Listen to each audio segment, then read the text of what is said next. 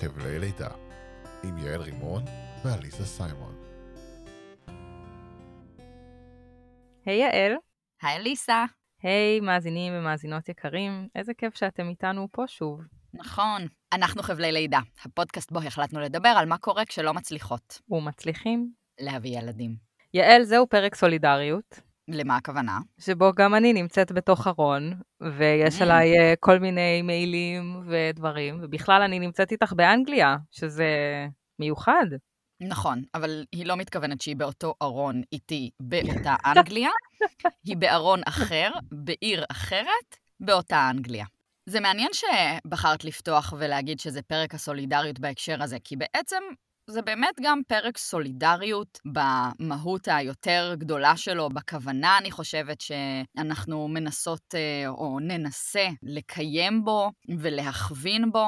שזה בעצם איך להיות סולידריים איתנו, עם אנשים כמונו, גברים, נשים, כל מי שמתמודד עם אתגרי פוריות וזקוק לסולידריות מאנשים שלו. שכל כך הרבה מהם נמצאים סביבנו. אתם יכולים להיות חברים, בני משפחה, קולגות, אנשים בכל מיני מסגרות חיים שפוגשים אותנו, והם מלאי כוונות טובות ורצון להביע סולידריות, לרצון להביע אמפתיה, להזדהות, אבל איכשהו... הם לא יודעים איך. כן, כאילו הרבה פעמים משהו שם משתבש בדרך, ובדיוק המשפט הזה שהם רצו רק להגיד ש... והוא יוצא כל כך עקום, או, או, או מרגיז. פוגע. או כן. פוגע, כן. נכון. כן, אז אני חושבת שבעצם אה, זה יפה שהרמת את ההנחתה שלי, כי לכן בדיוק התחלתי למילה, עם המילה סולידריות. זה היה בכוונת מכוון, יעל, אני מאוד מתוחכמת, שתדעי.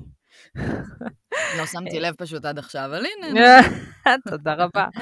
אני חושבת שזה בעצם פרק שהרבה מאוד אנשים, אה, לפני שהתחלנו את הפודקאסט, כאילו מין באו ושאלו אותי, אליסה, איך, איך לדבר איתך? איך, איך את רוצה שנתמוך בך? מה הדרך שבה טוב להגיב? אה, ואם הם לא שאלו אותי ישירות עליי, כי זה קצת מביך, אז הם סיפרו לי על חברה אחרת, או זוג אחר בחיים שלהם שעברו קשיי פוריות, או טיפולים, או לידה שקטה, והם כאילו עמדו נבוכים אל מול הסיטואציה ולא ידעו מה לעשות. אז באמת, אה, אני חושבת שיש כאן אה, הזדמנות טובה אולי קצת לחלוק מהניסיון שלנו, של מה נעים לנו, ואני כן גם אגיד, אחד מהדברים שאני אני קצת חוששת לגביהם בפרק הזה, ואולי כן. לך יש, אה, לא יודעת, סתם באמת, לא, תגידי, תגידי, זה, זה טוב להתחיל עם חששות. זה גם כזה פותח כזה, זה מסקרן, וגם וואלה, כאילו בואי נפרק את זה. אני כאילו דואגת שמה שאני הולכת להגיד פה שהוא פגע בי, או מה שאני הולכת להגיד שעזר לי, זה בעצם מאוד סובייקטיבי.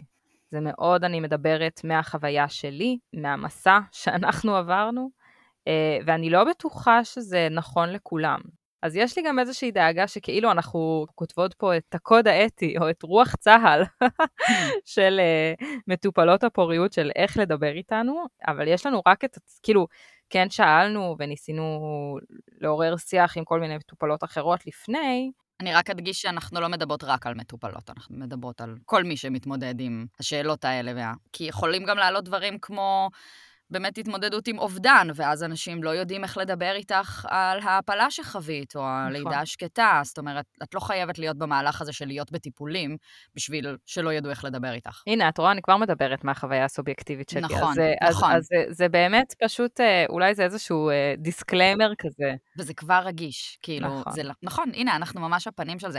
אבל את יודעת מה אני חושבת? שאולי זה הדבר הכי טוב, גם עבורנו, בפתיחתו של הפרק הזה, להדגיש ולהגיד החוצה, ולשאת איתנו, גם אחרי שנסיים את ההקלטה הזו, וגם אחרי שאתם תסיימו את השמיעה של הפרק הזה, את ההקשבה, אין פה קוד אתי.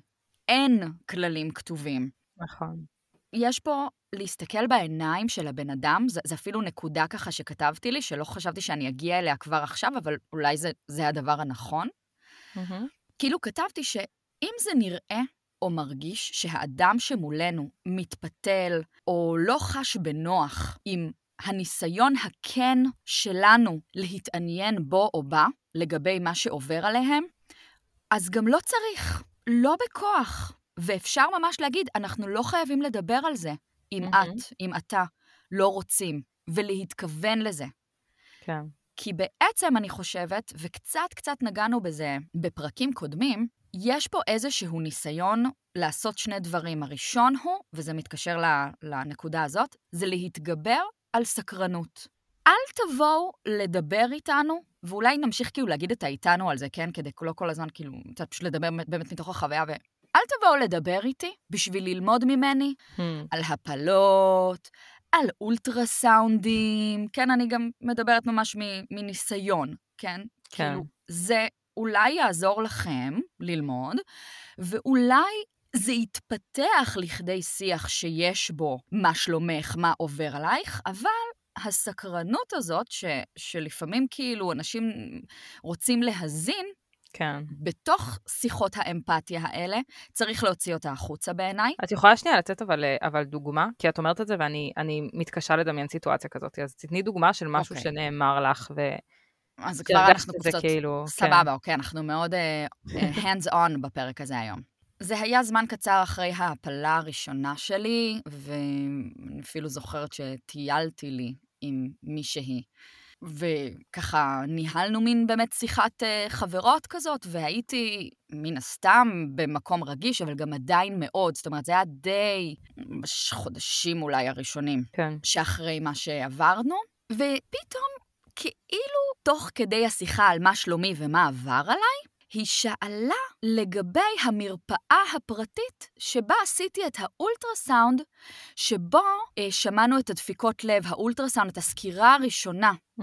בהיריון, ש- שהייתה כאילו החיובית, כן? הזאת שבה ראינו שיש הריון וראינו דופק וממנה mm. הכל השתבש. אבל mm.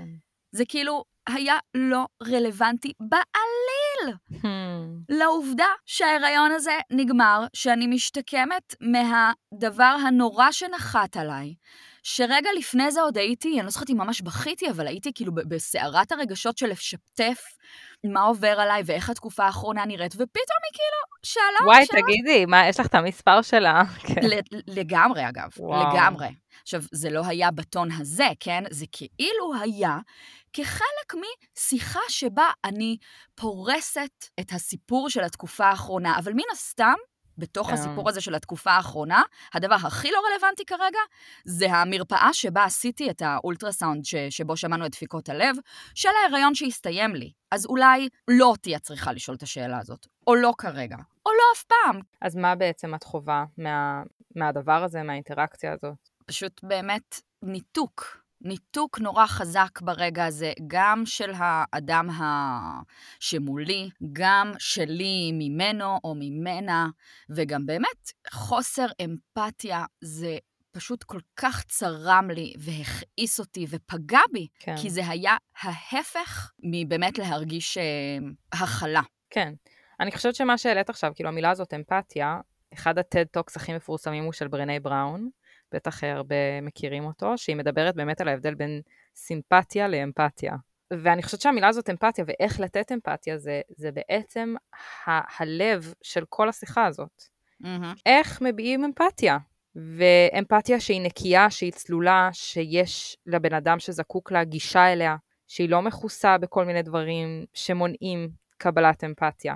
בימים האחרונים כש, כשהתכוננתי לפרק הזה, אז באמת חשבתי עם עצמי, כאילו, למה בעצם כל כך קשה לתת אמפתיה טובה, אמפתיה שעוזרת לבן אדם המקבל, הבן אדם שזקוק לה, בסיטואציות כמו אובדן, בסיטואציות של אבל, בסיטואציות של קושי. בעצם המבוכה הזאת שאנחנו חשים אל מול האנשים האלה, זה הקושי לתרגם את האמפתיה או את העצב שאני חשה בסיטואציה, ולהוציא אותה החוצה כלפי האדם שעובר את הדבר הקשה, נכון? כאילו, אני רואה אותך, נגיד אותך יעל, לדוגמה, כן, אני אשתמש בך, ראיתי אותך השנה, עברה עלייך שנה מאוד מאוד קשה, ואז עלולה להיות לי, בעצם ברור שכואב ועצוב, וברור שגם החברה הזאת שהייתה בצד השני שלה, של השיחה הזאת, כן, ושאלה אותך על המספר של המרפאה, ברור שאם נשאל אותה, מה הייתה החוויה שלך מהשיחה עם יעל, הדבר הראשון שהיא תגיד, זה היה לי נורא עצוב. נכון? נורא, נורא היה עצוב לי שיעל עברה את זה בשנה האחרונה, וברור, כן, כן שזו, שזאת הריאקציה.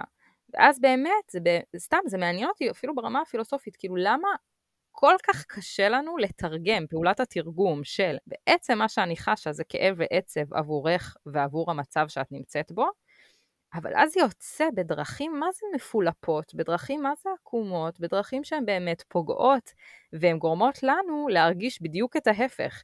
בדיוק שמה שעניין אותה בשיחה הזאת, זה את המספר טלפון של המרפאה, במקום זה שאת fucking עברת הפלה ואת בסיטואציה מאוד מאוד קשה עכשיו. אני יכולה לספר על סיטואציה עם חברה שלי שהייתי באמת בלב ההזרקות. היינו בחתונה של חברים ובדיוק הזרקתי, והייתי ב- באמת בסיטואציה מאוד, פשוט כאב לי, הכל כאב, הכל היה, לא יודעת, הכל, הכל הרגיש לי מאוד רע באותו רגע.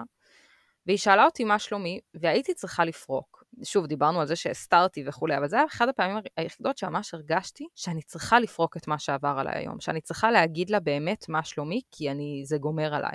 ואני ממש זוכרת, והיא ידעה, היא ידעה שאני בטיפולים, היא, היא הייתה איתי גם בכל מיני סיטואציות של טיפולים.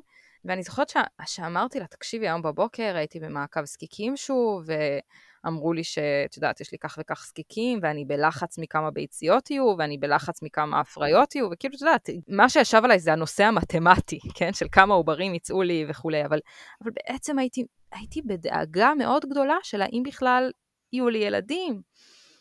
ואני יושבת ומספרת לה את זה, ואחד הרגשתי שאני משעממת אותה. וואו. כבר ראיתי שהעיניים שלה מטיילות למקום אחר. עכשיו בסדר, לגיטימי, אנחנו באמצע החתונה ואני נופלת עליה ואוקיי פיין. כאילו לא יודעת אם באמת לגיטימי, כן, אבל, אבל אז היא כאילו, כאילו מין אמרה לי, אל תדאגי אליסה, יהיו לך ילדים. ככה. לא, לא, למה, למה אתם תמיד אומרים את זה? וכאילו, עכשיו שוב, אני מאוד אוהבת את האישה הזאת, היא בחורה מקסימה, היא הייתה אמפתית בכל מיני, זה לא שאין לה את היכולת להיות אמפתית, אבל ברגע הזה, זה היה תרגום גרוע של האמפתיה שלה, כן? אני אפילו אגדיל לומר, וזה אני חושבת הפער שיש כשאנשים אומרים משפט כמו זה, ויש עוד כמה בסגנון הזה, אבל זה יחסית משפט אה, כזה מוכר. ב... כן. זה ממש מבטל. את החוויה של תחושת חוסר האונים וחוסר הוודאות שלך, שלה לא משנה מי היא, היא לא יודעת שיהיו לך ילדים. אפשר למצוא, ואני לא בטוחה אם יהיה לנו זמן היום, כן, אבל אפשר למצוא אולי דרך לבטא את התקווה שהיא רוצה לבטא מולך, כן. שיהיו לך ילדים. אבל היא לא יכולה להגיד לך דבר כזה שקובע את זה, כי א', מאיפה את יודעת? וזה לא בטוח, וב', מעצם זה, את מבטלת את התחושה הקשה שהחברה שלך מבטאת מולך עכשיו, שזה חלק עיקרי בתחושה הקשה הזאת, העובדה שאין לא לך שליטה. בדיוק. נכון, ואני חושבת שזה אנחנו כל הזמן מדברות על שליטה, כן? גם בפרק הקודם, בעצם בזוגיות, גם דיברנו על האובדן שליטה ועל האובדן של, ה, של המוכר והידוע אל עבר הלא מוכר והלא ידוע. והקביעה של תהיה לך ילדים, היא בעצם מאוד רוצה שיהיה לי שליטה, והיא רוצה, היא מקווה בשבילי שיהיו לי ילדים, ואולי היא גם מנסה לנחם את עצמה, כן? כאילו ברגע הזה. אבל באמת, אני הרגשתי מאוד מבוטלת, כי בעצם אפשר לשמוע את זה כ, מה את עושה עניין? נכון. אוקיי, את צריכה, כאילו, תצטרכי לעבור כמה זריקות, כמה שאיבות, כמה הפריות, פיין, אבל בסוף יהיו לך ילדים, הכל בסדר, הכל סבבה, אם אנחנו מתחברות לזה ועוברות בככה רפרוף קל על משפטים שאגב, חלק מכן גם uh, כתבתם לנו בעמוד האינסטגרם שלנו, חבלי לידה, בואו לעקוב אחרינו גם שם. כי ביקשנו מכן בתיבת השאלות שתשתפו אותנו במשפטים uh, ובחוויות בסגנון הזה, אז uh, אפשר לרפרף ככה על פני משפטים כמו אתם עוד צעירים, אז אתם עוד צעירים, אז זה עוד יקרה לכם. לי אמרו פעם, את צעירה, יש לך זמן, בטוח הרפואה תמצא דרך לעזור לך. אגב, משפט שדווקא מישהי כתבה לנו ו- וכתבה את זה מעמדה שזה איכשהו היה לה נחמד, אבל רוב הזמן אני חווה את זה גם בפורומים ובשיחות אה, פרטיות כזה עם אנשים שנמצאים במקום שלנו, שזה משפט פחות אה, שמתחברים אליו. אל תהיי או אל תהיו בלחץ. נכון. זה גם קצת האשמה. אם לא תהיי, אם, אם רק לא היית בלחץ, אז, אה, אז הטיפול היה עובד והיית נכנסת להיריון. ואת כן. יודעת שאוקסיטוצין זה מאוד גרוע ל... לסביבה הרחמית. ואני אגדיל לומר, זאת אומרת, בכלליות לדבר איתנו על לחץ זה נורא חמוד, שזה, כן, יש בזה כאילו אלמנט באמת שיפוטי כזה קצת, אבל אני אגדיל לומר שעבורנו כנשים, שמראש כל אלמנט ההיסטריה, שמטילים עלינו, mind you, היסטרוסקופיה, אה, שאני אה, צריכה לעבור לא עוד הרבה זמן, קשור גם בהיסטריה, כן, ברחם. נכון. אז זה הכל מאותם עולמות, ואני אישית ממליצה לא להשתמש. בכלל, במילה לחץ. כן, בדיוק. כאילו, היסטריה ברור, אבל גם לחץ. כאילו, לא, לא להניח שהאנשים מולכם בלחץ, או לחלופין, שהלחץ הוא הגורם, הוא המשתנה הזה, שאם תתייחסו אליו ו- ותאירו את עיניהם לגבי זה שאם הם יורידו את רמת הלחץ, אז הכל יהיה בסדר. כי, שוב, זה דיון אולי קצת יותר רחב, שגם חשבנו על, אה, אולי עוד נעשה, תגידו לנו אם מעניין אתכם, כאילו לעשות פרק בפני עצמו על לחץ. כן. כי יש מקום לדבר עליו, צריך לתת לו מקום. אבל באותה נשימה, לנסות ולהיות אמפתיים כלפינו, זה לא לתת ללחץ שאולי אנחנו מקרינות או מקרינים, להיות הדבר שאתם משקפים לנו בחזרה כהבעיה שלנו. אני ממש מסכימה עם מה שאמרת, ואפילו יותר מזה אני רוצה להגיד, עדיף לא לתת תוויות mm. של רגש לגבי המצב שלנו. מצוין. עדיף לא להגיד, אוי, את נראית עצובה, אוי, את לחוצה, אוי, זה בטח אה, נורא קשה לך שא', ב', ג', ד', אולי כדאי שאחד, שתיים, שלוש. זה ממש הייתה לי שיחה עם חברה אחרת, אחרי שיצאתי מהארון ואמרתי לה שאני, שאני מטופלת פוריות. היה, זה, היה לנו איזה משבר ביחסים, והיא אמרה לי, כאילו, אני מרגישה שאני הולכת סביבך על, שבירי, על, על, אה, על שברי ביצים, אני כבר לא יודעת מה, מה להגיד נכון. ומה לא להגיד ואיך לדבר איתה. דיברת עליה, דיברת דיברתי, עליה. כן, כן, כן, באחד הפרקים הקודמים, נכון? ואחד הדברים שאמרתי לה בצורה מאוד גלויה בשיחה הזאת הייתה, כאילו, אל תנסי לפתור את המצב הרגשי שאני נמצאת בו. אל תנסי לפרשן לי את הרגשות שלי כרגע, כי ממש הרגשתי שזה, שכאילו היא הרגישה שזה התפקיד שלה. כחברה שאוהבת אותי ורוצה לעזור לי בדבר הזה, אז היא הרגישה שהיא צריכה לפרק איתי את הרגשות שאני מרגישה כלפי העובדה שאני צריכה לעבור טיפולי פוריות. ואני כל פעם שהיא עשתה את זה, זה מה זה עצבן אותי. עכשיו, בכל דבר אחר, אם אנחנו מדברים, זה מעניין, כן? אם אנחנו מדברים על מערכת היחסים שלי עם ההורים שלי, או אם אנחנו מדברים על, אה, על הקשיים שלי עם האקדמיה, או אם אנחנו מדברים, אתה יודע, דברים אחרים, אז אין לי בעיה שאני והיא נפר... כאילו, זה, ככה אנחנו מנהלות את החברות שלנו, אם אני בקושי, אז אנחנו מפרקות את זה, ואנחנו שואלות מעל זה מגיע, ואנחנו מתבוננות על זה, אבל בגלל שקשיי פוריות זה משהו שאני עוברת, והיא לא, זה לא נעים לי. כאילו זה לא נעים לי לפרק את זה ביחד. אני לא רוצה לפרק איתה את זה ביחד. אני, אני רוצה אמפתיה ממנה, אבל אני לא רוצה לפרק את זה. והתוויות האלה היו לי מרגיזות. אני חושבת שאנחנו גם עלולות להשיג פה איזשהו אפקט הפוך שאנחנו לא רוצות להשיג אותו, וזה האפקט שבו אנשים מפחדים לדבר איתנו, נקודה. ואנחנו כמובן לא רוצות להגיע לשם, ויש מקום, והוא עוד יגיע, כן, לאיך לתמוך בנו, פרק שלם על זה.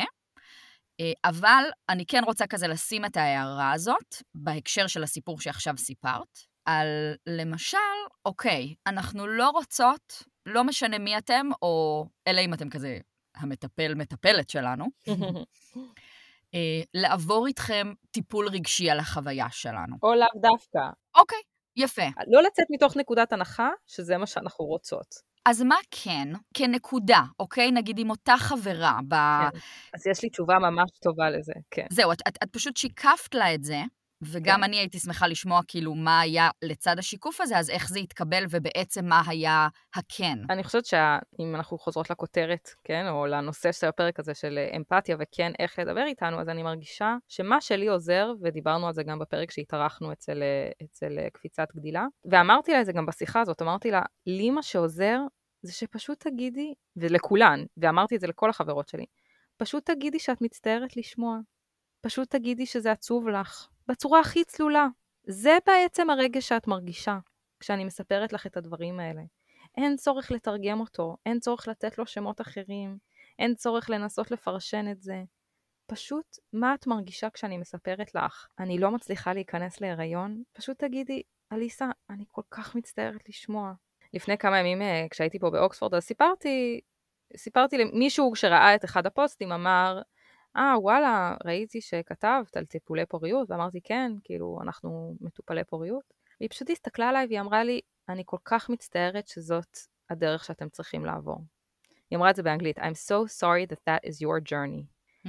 ואין, לא היה משהו יותר טוב שהיא יכלה להגיד, וזה באמת גרם לי להרגיש מחובקת. ו- ושרואים אותי, ורואים את הכאב שלי, רואים את הג'רני, כאילו רואים את העובדה mm-hmm. שזה דרך, זה לא, זה לא איזה, את יודעת, משהו אחד, ובאמת זה, זה דרך ארוכה שאני עוברת, ושאני עוברת שוב ושוב. היא נתנה ולידציה לעובדה שזה קשה, נכון? כי היא אומרת שהיא מצטערת. אז בעצם, כשפשוט אומרים, אני מצטערת לשמוע, או אני מצטערת שזאת הדרך שלכם, או זה עצוב לי, זה פשוט נותן איזושהי גושפנקה לעובדה שגם לי זה, שלי זה קשה, נכון? עכשיו, זה כאילו מצחיק להגיד שאני צריכה ולידציה לעובדה שאני עוברת טיפולי פוריות שזה קשה, כי זה כאילו הכי כתוב בספר, שטיפולי פוריות זה דבר קשה, אז ברור שקשה לי, אבל, אבל זה עוזר, זה, זה מנחם אותי. כאילו, כשאנשים אומרים לי, אני מצטער לשמוע, או זה נשמע קשה, אבל את יודעת, אני חושבת שבדיוק על זה הפרק, על הפער בהבנה של אנשים שלא נמצאים במקום הזה, להבין שיותר מכל, מה שאנחנו צריכים זה באמת שיראו אותנו, שיהיו עם אמפתיה אלינו, ושיכילו את הכאב, את האובדן, את הקושי. כן. והפער הוא, אני חושבת, שאנשים חושבים שאנחנו צריכים תקווה. Mm. ושהדברים שהם עכשיו יגידו לנו, יהיו הדלק שלנו לעבור עוד שעה, עוד יום, כאילו. לא חשבתי על זה ככה, זה ממש ממש חכם. כי תראי, הרבה פעמים אני נתקלת שוב גם בדיונים קצת יותר רחבים של אנשים במצבים האלה, אה, באמת בתחושה של למה אתם כל הזמן צריכים לתת לי עצות? למה אתם כל הזמן מרגישים את הצורך להגיד לי, אה, אה, החל מ... איזה תנוחה לשכב. בדיוק. כאילו, החל מהדברים הפרקטיים, בין אם הם של עובדי אלילים או לא. איזה מיץ לשתות. כן. אה, אולי ניסית את המדקר ברחוב, אה, כן. בדיוק, בדיוק. כאלה. לבין גם כמובן אותן פשוט אמירות תקווה, ששוב אמרנו אותן, אתם צעירים. אה, כאילו, להזכיר לנו את כל הסיבות לתקווה, נכון? זה האמירות האלה. נכון, מדויק. נכון. עכשיו, זה לא שהן לא נכונות. עובדתית הן נכונות, אבל הן לא משרתות את הצורך הרגשי שלנו ברגע הזה להיות בכאב, להיות בתסכול, להרגיש אותם בלי שיפוט ובלי שנקבל עליהם פתרון, כי אין לכם. הפתרון הוא עוד סבב. הפתרון הוא, אחרי, נגיד, הפלה ראשונה, פשוט לנסות שוב. נכון. ואלא אם את בן הזוג שלי, ואני מבייצת, את לא תוכלי לתת לי את הפתרון הזה, נכון? כאילו, אז שחררי כפרה. ו- ו- אבל באהבה שחררי, כי את לא עוזרת לי, את רק מביאה לי את הסעיף. וגם ככה אני הורמונלית. בדיוק. אבל, אבל באמת, עכשיו בכל ה... זאת אומרת, נראה לי ש, ש, שהפער והמתח סביב הפער הוא נמצא במקומות האלה. שתי דברים שכאילו השיחה הזאת חידשה לי, היא אחד, באמת, אין צורך לתת תוויות לרגשות, או לתאר, אני חושבת, למטופלות פוריות, או, ל, או למי שחווים קשיים עם פוריון, איך הם ומה מצבם. והדבר השני זה לנסות להפיח בהם תקווה. כי אני חושבת שזה כבר שתי נקודות שאם לכל העולם ולקהילת השואל הייתה אותם, זה היה מאוד מאוד עוזר. ו- ואני חושבת שזה פשוט לנסות להיות מאוד צלולים ושקופים, כאילו 1, 2 ו-3 להיות צלולים ושקופים, זה כבר היה מקדם אותנו מאוד. נראה לי שזה מעבר טוב לגעת בעוד אמירות, או יותר כמו שאלות, ש... בעיניי, תגידי לי את דעתך, כאילו נמצאות על התפר הדק בין להתעניין בנו שוב מהמקום שרוצה לדעת מה שלומנו, אבל הוא סוטה למקום הפחות נעים, כי הוא שוב קצת סקרני, אבל לגבי מה הלאה. Mm. מין כזה, אז מה קורה איתכם עכשיו? מה, מה בעצם אה, הלאה? מה, או יש את אה, מה הרופאים אומרים? או לא יודעת, אולי לך יש עוד כאלה. מתי אתם עושים עוד סבב? או אתם רוצים עוד ילדים? או אתם בלחץ מזה שתלם כבר בן אה, שנתיים וחצי, עוד רגע שלוש? אה, וואו, טוב, זה ממש, כאילו, זה כבר שוב, זה, לא יודעת, נראה לי זאת אולי קטגוריה אחרת, אבל כן, יש גם את אלה שלמשל, לא יודעת אם את חווית את זה מאז שעלינו עם הפודקאסט, אבל אני לגמרי כן, שמרוב השיתוף, ונגענו בזה בפרק על אם לשתף או לשתוק, כן. לשאת את אותו דגל של אני מאוד פתוחה לגבי מה שעובר עליי, ואני גם מזמינה לדבר איתי ב... שוב, אני, אני לא דוברת של שום ארגון, כאילו. אני שמחה שתרגישו שיש בינינו שיח פתוח, כי אלה דברים שאני רוצה שננרמל אותם, נכון. אבל אז אנשים גם באמת סוטים ל... נו, אז איך היה בפגישה עם הרופא? אה, אמרת שהיא, כאילו, היית צריכה אה, אולטרסאונד, אה. איך קוראים לה? איך אמרת את המילה הארוכה הזאת שנגמרת כן. בקופיה? כן. מה, את חושבת על כל ה... אני קראתי לזה כאילו קצת התביעה לדעת מה איתנו. עכשיו, היא לא, היא לא מגיעה בתביעה, אבל מעצם השאלה, שהיא מאוד תכלסית, כן? בעצם, הדרך היחידה שלך לענות עליה, זה לתת את המידע. או לשקר. או, או כמובן להגיד, אני לא רוצה לדבר על זה, ברור, כן? יש כן. עוד, אבל לא, אז אבל- יש לך- אז יש שלוש אופציות. יש את האופציה של להגיד, אני לא רוצה לדבר על זה, יש לשקר ויש לענות. נכון, אבל לפני זה, אני, אני כאילו, אנחנו הרי מדברות פה על השואל, נכון? אנחנו מנסות נכון. עוד ל- להגיע מהשלב שלפני. מצד אחד, אני חושבת שאם זה אדם מאוד קרוב, זה מאוד מוזר עבור האדם הזה, כאילו הוא רוצה להראות לך שהוא, או הם רוצים להראות לנו שהם, שהם חושבים עלינו, שאכפת להם, שהם רוצים להיות מעורבים במשהו קשה שהם יודעים שאנחנו עוברים, כאילו, עוד פעם, הבעת סולידריות. איפה אתם במסע הזה? באיזה שלב?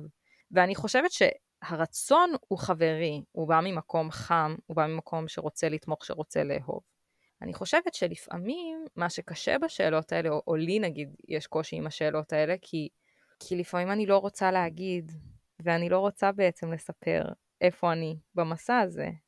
אני לא רוצה לספר שאני אולי באמצע סבב, או אני לא רוצה לספר שאני לפני סבב, כי אני רוצה, או כי אני רוצה פרטיות, כי זאת אני, ואני תמיד רוצה פרטיות, אבל, אמ, אבל לפעמים כי, כי זה קצת מתרגר, אפילו השאלה, כאילו זה גורם לי לחשוב עוד פעם על איפה אני ובאיזה שלב אני, ולפעמים זה, זה פשוט לא נעים לי להיזכר בזה, או לחשוב על זה, או לדבר על זה. אז מה את אומרת?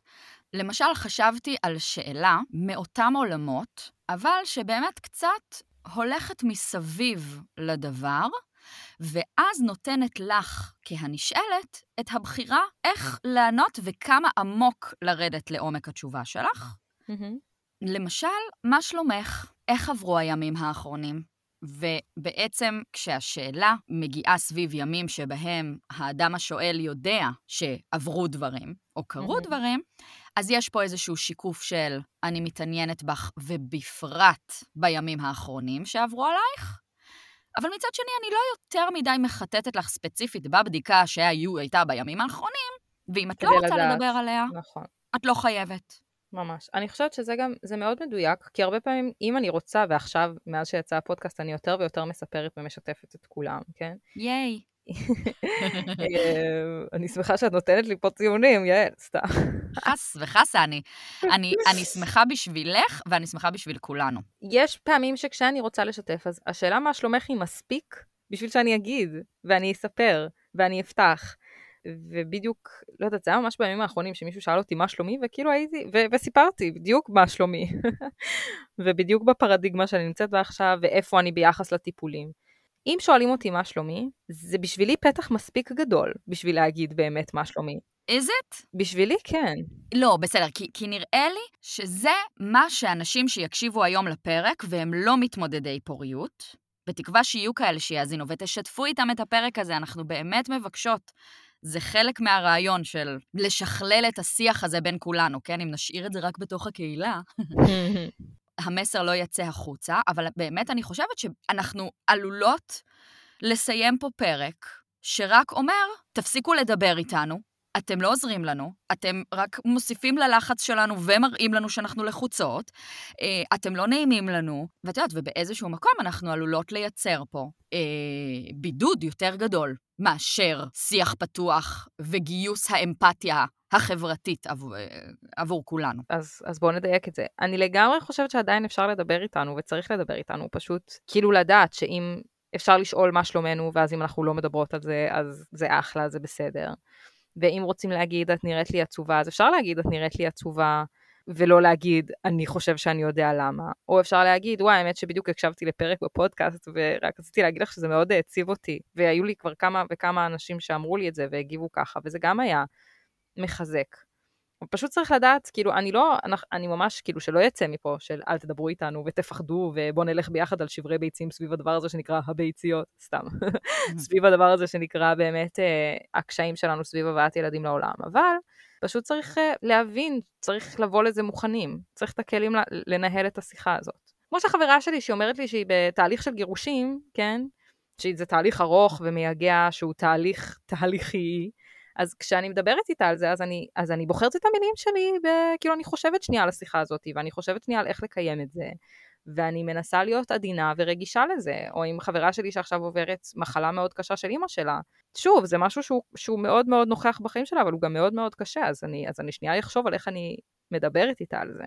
אלה דוגמאות טובות, בגלל שהן באמת במקרים רבים, הן גם נוכחות במרחב שלנו, ואולי אפילו באחוזים יותר גבוהים, או, או לפחות באיזשהו אופן השיח לגביהם הוא קצת יותר באמת מדובר, אז יש לנו את היכולת ל- לרפרר עליהם בצורה שמדברת אל יותר אנשים. אני, כשאני ניגשת לאנשים בסיטואציות כאלה, למשל, אני קצת מנסה לתת לבן אדם השני להוביל אותי למקום שבו הוא או היא פותחים את הנושא. ממש. פתאום אני חושבת על זה, כן? שבחוויה של אנשים שמתמודדים עם אתגרי פוריות, שבאמת כל הזמן כאילו מעקמים לנו את היד לדבר על זה. אולי זאת באמת חוויה כי את יודעת, כי בתוך עמי אני חי, אז בתוך קהילתי אני חי, וכאילו כן. זה מין שיח שמפרה את עצמו והוא לא באמת נכון, ואני בטוחה שיהיו אנשים שיתווכחו עם זה, כן? שיגידו... אבל אולי ככה, אם אתם למשל לא מתמודדי פוריות, ויש לכם מישהו שאתם רוצים לדבר על זה איתו עליו, או, או מישהו בחיים שלכם, ש... אז שתבינו שזאת עלולה להיות קצת העמדה mm. שלנו, של זה גם ככה יום-יום פוגש אותי במראה. ובכל חודש כשאני מקבלת מחזור, ועם מטופלי אה, פוריות שנאלצים באמת לעבור סבבים וכולי, אז זה פוגש במהלך סבב, זה, זה יכול לפגוש אותך כמה וכמה ימים, כל בוקר, נורא מוקדם בבוקר, בתור, לקחת את הבדיקות, את ה... זאת אומרת, בגלל שזה עוטף אותנו בצורה יומיומית, שלא לומר שעתית, כן. גם השיח על זה הוא כבר כל הזמן על פני השטח, ואנחנו באמת מאוד רגישים לגבי זה. כן. וזה מתקשר כמובן גם לטריגרים, כן? כל אישה הריונית, כל תינוק בעגלה, כל לה לה לה לה לה. המילה שחסרה לי במה שאת אומרת, כן. שאולי תעזור, זה פשוט, תגידי. אנחנו פשוט מוצפות. Mm, אנחנו מצוין. כל הזמן בהצפה, בהצפה של זה, כשאנחנו עוברות את זה. ואז כשאתם באים לשאול אותנו, כשזה גם ככה משהו שהוא כל הזמן מציף אותנו, והוא כל הזמן נוכח, כל הזמן נוכח. אי אפשר להסביר כמה, זה כל הזמן משהו שמאכלס לנו פינה במוח. זה בדיוק זה, כי הרבה פעמים אני, בתור מי שבינינו כאילו יותר משתפת ויותר... אני גם באמת בסוף מוצפת, בדיוק כמו שאת אומרת. ואז מצד אחד אני כאילו אה, אה, נורא מדברת על זה, ונורא פתוחה על זה, ונורא משתפת על זה וזה, אבל מצד שני, אני באמת גם, זה אומר שאני מוצפת על זה ברמות עשר דקות אחרי שקמתי. כן, ממש. בבוקר. ואז גם, ולמרות שאני אותו אדם שבשמחה ישתף, וזה אפילו יהיה כלי שלי להתמודדות אפקטיבית ונעימה ולתחושה שיש לי בעלי ברית בסביבה שלי, שאני יכולה לחלוק איתם, זה לא מוריד את רמת ההצפה שבה באמת אני נמצאת, כי בסוף ההצ... ההצפה היא מה... מתוך ההתמודדות, היא מתוך האתגר. Mm-hmm, שאין לנו בעצם השיח הזה איך להשפיע עליו מלבד בעצם לייצר בתוכו את התחושה שאנחנו חוזר, חוזרת כאילו על נקודות שדיברנו עליהן, שרואים אותנו, שמותר לנו. שזה קשה, שזה כן. פשוט קשה, שזה קשה, שזה מציף, שזה כואב, זה פשוט המסרים שהייתי, כאילו, ש, שטוב לחזור עליהם. ואגב, אני אגיד משהו מכובע קצת אחר. כשהייתי, אה, כשאני ואלעזר היינו הרב והרבנית של האוניברסיטה של קיימברידג', אז כשהמון סטודנטים באו אליי עם כל מיני סוגים של קשיים, כל מיני, באמת כל מיני, היה הכל, קשיים נפשיים, קשיים בבית, קשיים בזוגיות, תמיד הדבר הראשון שעשיתי זה ולידציה של התחושה שלהם, של להגיד דבר ראשון, זה קשה, זה כואב, אני מצטערת לשמוע. ואז השיחה הייתה ממשיכה לאן שהיא הייתה ממשיכה, אבל אני חושבת שזה באמת כלל, זה כלל זהב כזה, שאני לא רואה איך אפשר to go wrong with it. זה תמיד עובד, זה תמיד עוזר. פשוט להגיד, נכון, אתה צודק, איזה באסה, אני מחבקת אותך. זהו, שקט. הרבה פעמים שקט הוא גם מאוד מאוד מנחם. אולי זו הנקודה האחרונה שעוד לא נגענו בה, ועכשיו צריך ככה לתת לה את המקום? שקט. להבין שהרבה פעמים אין מה להגיד, וזה בסדר. ולהיות בשקט הזה. הוא קצת מביך אותנו, הוא מפחיד, אבל יש בו, מה זה מלא... כוח ואנרגיה.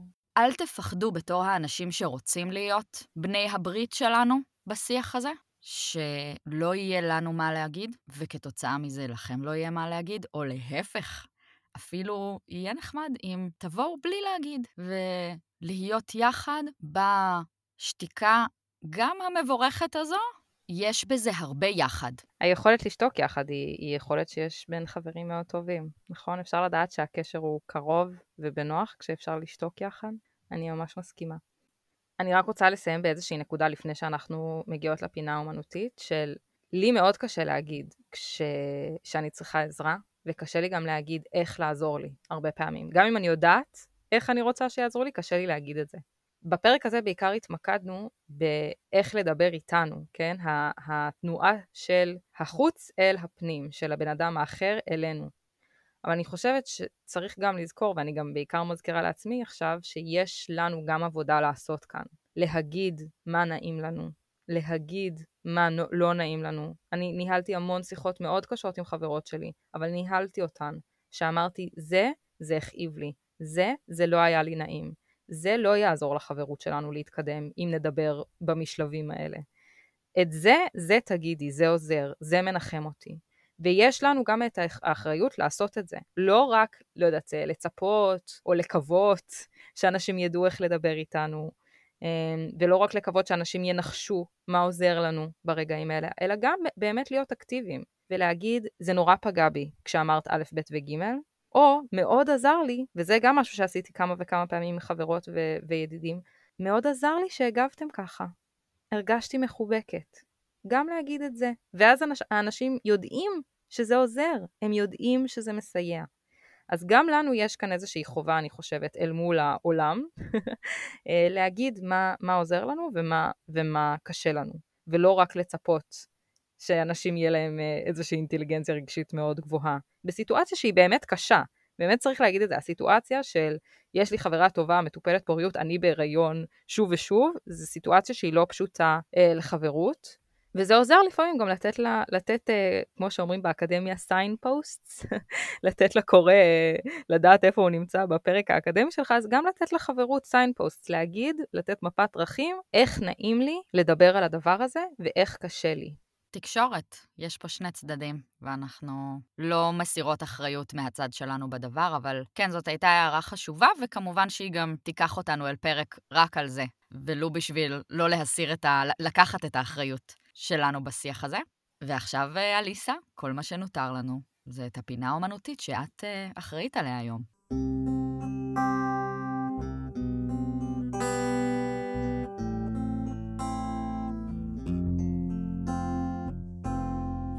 היא תהיה פינה קצרה, אבל מאוד מדויקת. בעצם רציתי כבר להמליץ על הדבר הזה לפני הרבה מאוד זמן, אבל חיכיתי.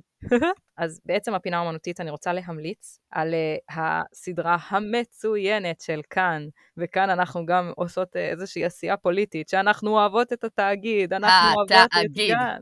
אל תסגרו אותו. תפסיקו לאיים על כל הדברים הטובים בחיים שלנו, סתם, כן. נכון. אז uh, יש להם סדרה מצוינת שנקראת סליחה על השאלה. שזה בדיוק מדבר על כל הדברים שדיברנו עליהם היום, כן? של, של איך לשאול ומתי לשאול ולדעת גם להגיד כשזה נעים ולהגיד כשזה כן נעים. אה, אז בעונה שלוש, בעונה השלישית של סליחה על השאלה, יש פרק על uh, מטופלי פוריות, ואתם פשוט יכולים לחפש את זה, זה גם ביוטיוב וזה גם uh, באתר של כאן.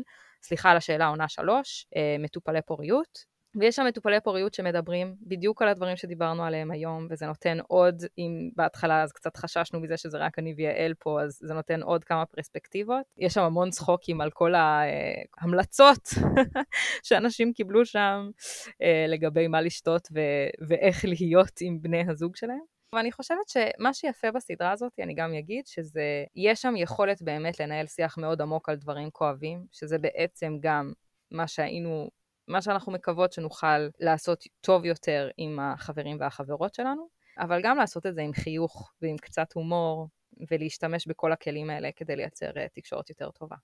אז אם עוד לא ראית את זה, יעל, בטח ראית את זה כבר. האמת, צריך VPN, ואני מה זה גרועה בדברים האלה. כי לא, זה לא תוכן שאפשר לראות אותו בחו"ל, אפילו שהוא ביוטיוב, נורא מבאס. אז אני אחכה לנועם, ובהחלט גבוה ברשימה. מעולה. אבל כיף באמת לראות שיש, כן, בדיוק מה שאת אומרת, כאילו עוד פלטפורמות, עוד סוגים של תכנים על הנושא, אנחנו מאוד מעודדות, וככה תכתבו לנו גם מה חשבתם על, על זה, אם צפיתם, ובכלליות, כמו תמיד, מה חשבתם על הפרק. אנחנו מאוד מאוד נהנות לדבר איתכם, והמון תודה על התקשורת שלכם סביב הפרק הזה. וגם תדעו שאנחנו מדי פעם עולות ללייב באינסטגרם, ובלייבים באינסטגרם נורא כיף לנו גם לפגוש אתכן ולנהל שיחה יותר uh, תלת או רב-כיוונית, uh, אז תבואו ללייבים שלנו, זה, זה נחמד. יאללה חברים, עד הפרק הבא. תודה שהאזנתם לנו, אנחנו היינו חבלי לידה, נתראה בעוד שבועיים.